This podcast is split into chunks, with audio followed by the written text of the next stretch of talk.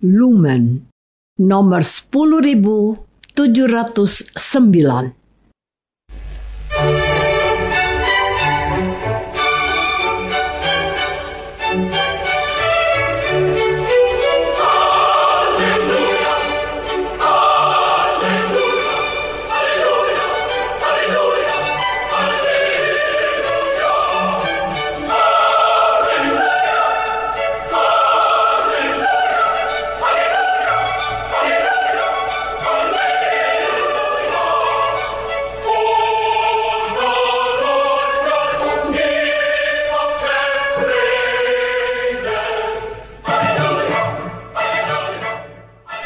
Saudara pendengar di segenap penjuru tanah air, selamat bergabung dengan Lumen Indonesia.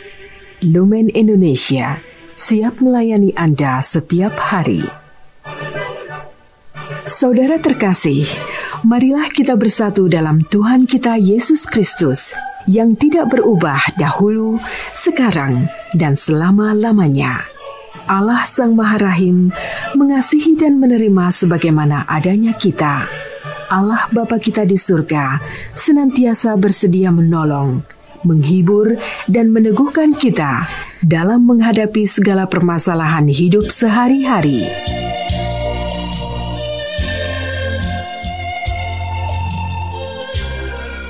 Saudara-saudari, marilah kita mendengarkan renungan dengan judul Pesta Santo Andreas.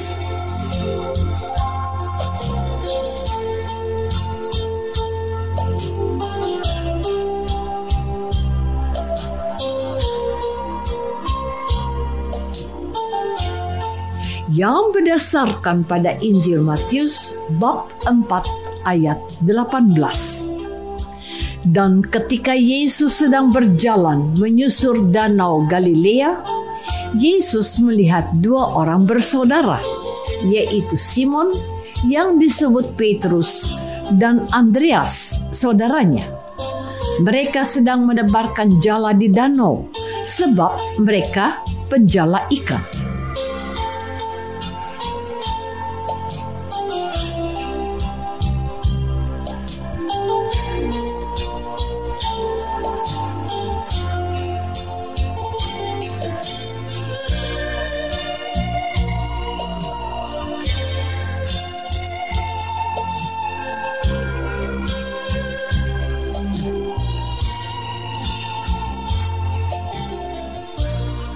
Dalam nama Bapa dan Putra dan Roh Kudus. Amin.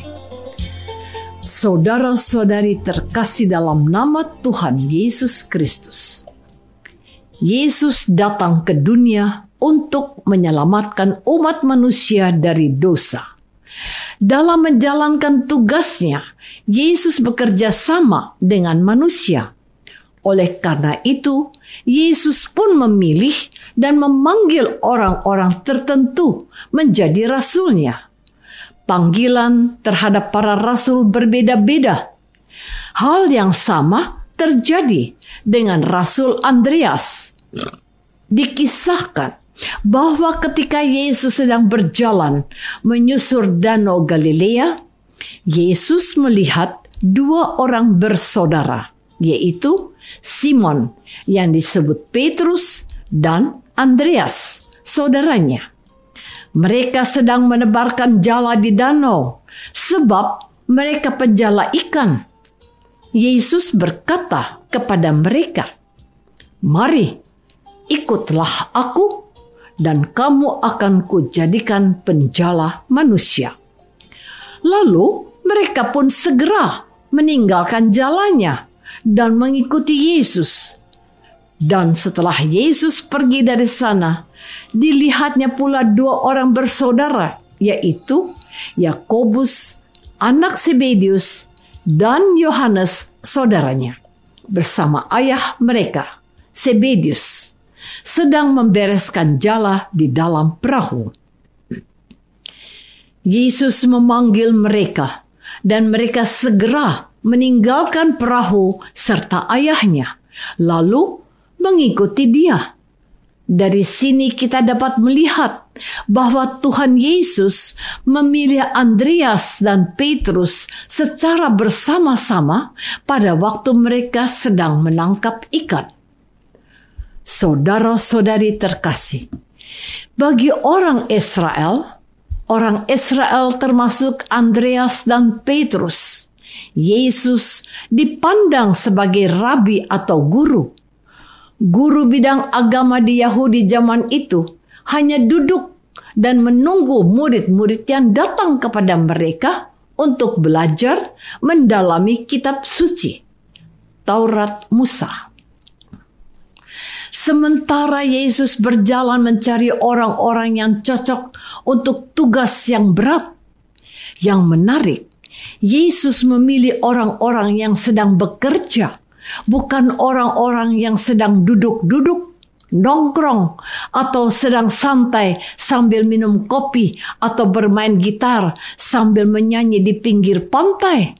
Sebab yang Yesus cari adalah pertama-tama tipe seorang pekerja.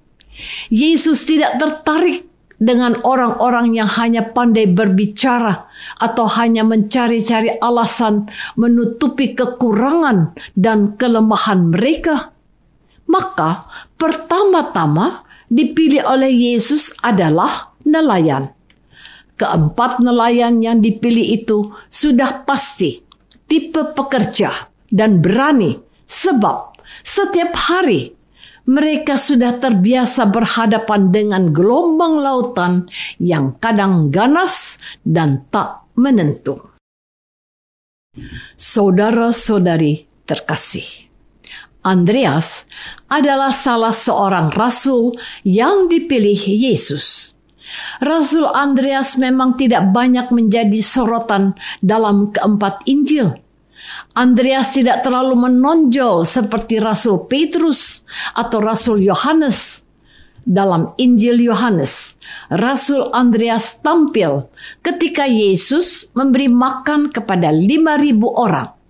Saat itu, Yesus hendak meminta para rasul untuk memberi makan kepada lima ribu orang. Yang dihitung berjumlah lima itu, orang itu hanya laki-laki. Perempuan dan anak-anak tidak dihitung.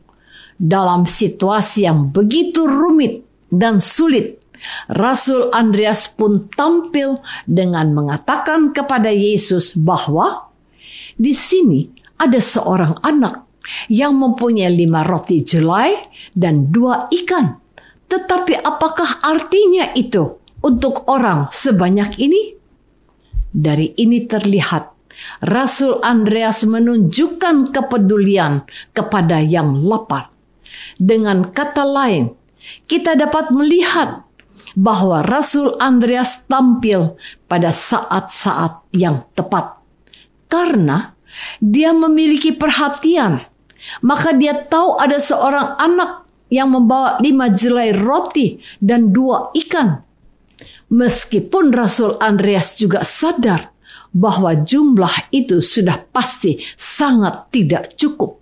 Sebab Rasul Andreas sama seperti rasul-rasul yang lain, termasuk kita, para pengikut Yesus yang hidup di zaman sekarang ini yang sering hanya berfokus pada masalah dan tidak melihat Allah yang penuh kuasa. Saudara-saudari terkasih, hari ini Gereja Katolik merayakan pesta Santo Andreas. Menurut Injil Yohanes, awalnya Andreas adalah murid Yohanes Pembaptis. Tetapi ketika Yohanes menunjuk kepada Yesus dan berkata, lihatlah anak domba Allah. Andreas langsung mengikuti Yesus. Tentu ada kekuatan besar yang mendorong Andreas mengikuti Yesus.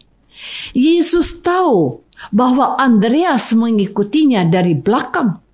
Maka Yesus berbalik dan bertanya, "Apakah yang kamu cari?" Andreas menjawab, bahwa ia ingin tahu di manakah Yesus tinggal. Yesus menjawab, "Marilah dan kamu akan melihatnya. Setelah beberapa saat lamanya tinggal bersama Yesus, Andreas mulai menyadari bahwa Yesus adalah sungguh-sungguh Mesias. Sejak saat itu, Andreas memutuskan untuk mengikuti Yesus. Menurut tradisi, ia wafat di Patras, Akasia, digantung pada sebuah salib yang berbentuk huruf X atau silang. Ia bergantung di salib itu selama dua hari. Dan selama itu ia terus berkhotbah kepada halayak yang datang menyaksikannya. Artinya, Santo Andreas memberi contoh supaya kita setia dan rela berkorban sampai mati seperti Tuhan Yesus.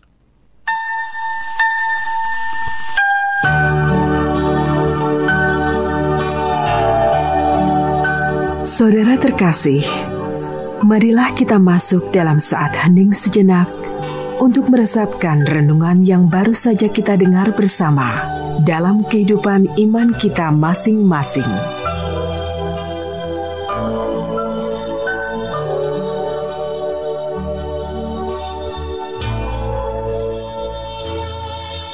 Apakah kita sudah meneladani Santo Andreas? yang sangat setia ikut Yesus dengan mematuhi ajaran Yesus dan mau menderita?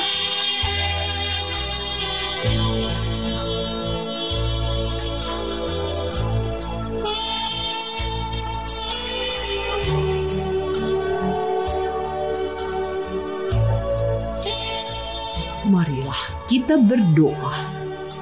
Tuhan Yesus Kristus, kami bersyukur engkau memilih Santo Andreas menjadi rasulmu yang setia sampai mati. Dia rela menderita dan disalibkan seperti engkau. Berilah kami kekuatan dan rahmat supaya kami juga berusaha untuk setia kepadamu, baik dalam suka maupun dalam duka. Doa ini kami persembahkan dalam nama Yesus, Tuhan dan pengantara kami. Amin.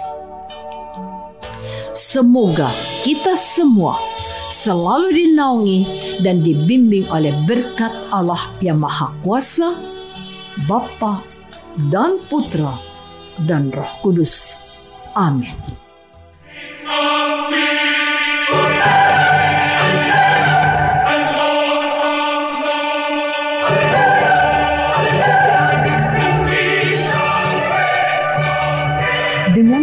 Kasih dan sukacita, Lumen Indonesia mengundang saudara-saudara seiman di segenap penjuru tanah air. Sekiranya ada tanggapan ataupun saran, kirimkan surat Anda ke Lumen Indonesia. Terima kasih atas perhatian Anda. Sampai berjumpa lagi dengan Lumen Indonesia pada waktu dan gelombang yang sama esok hari.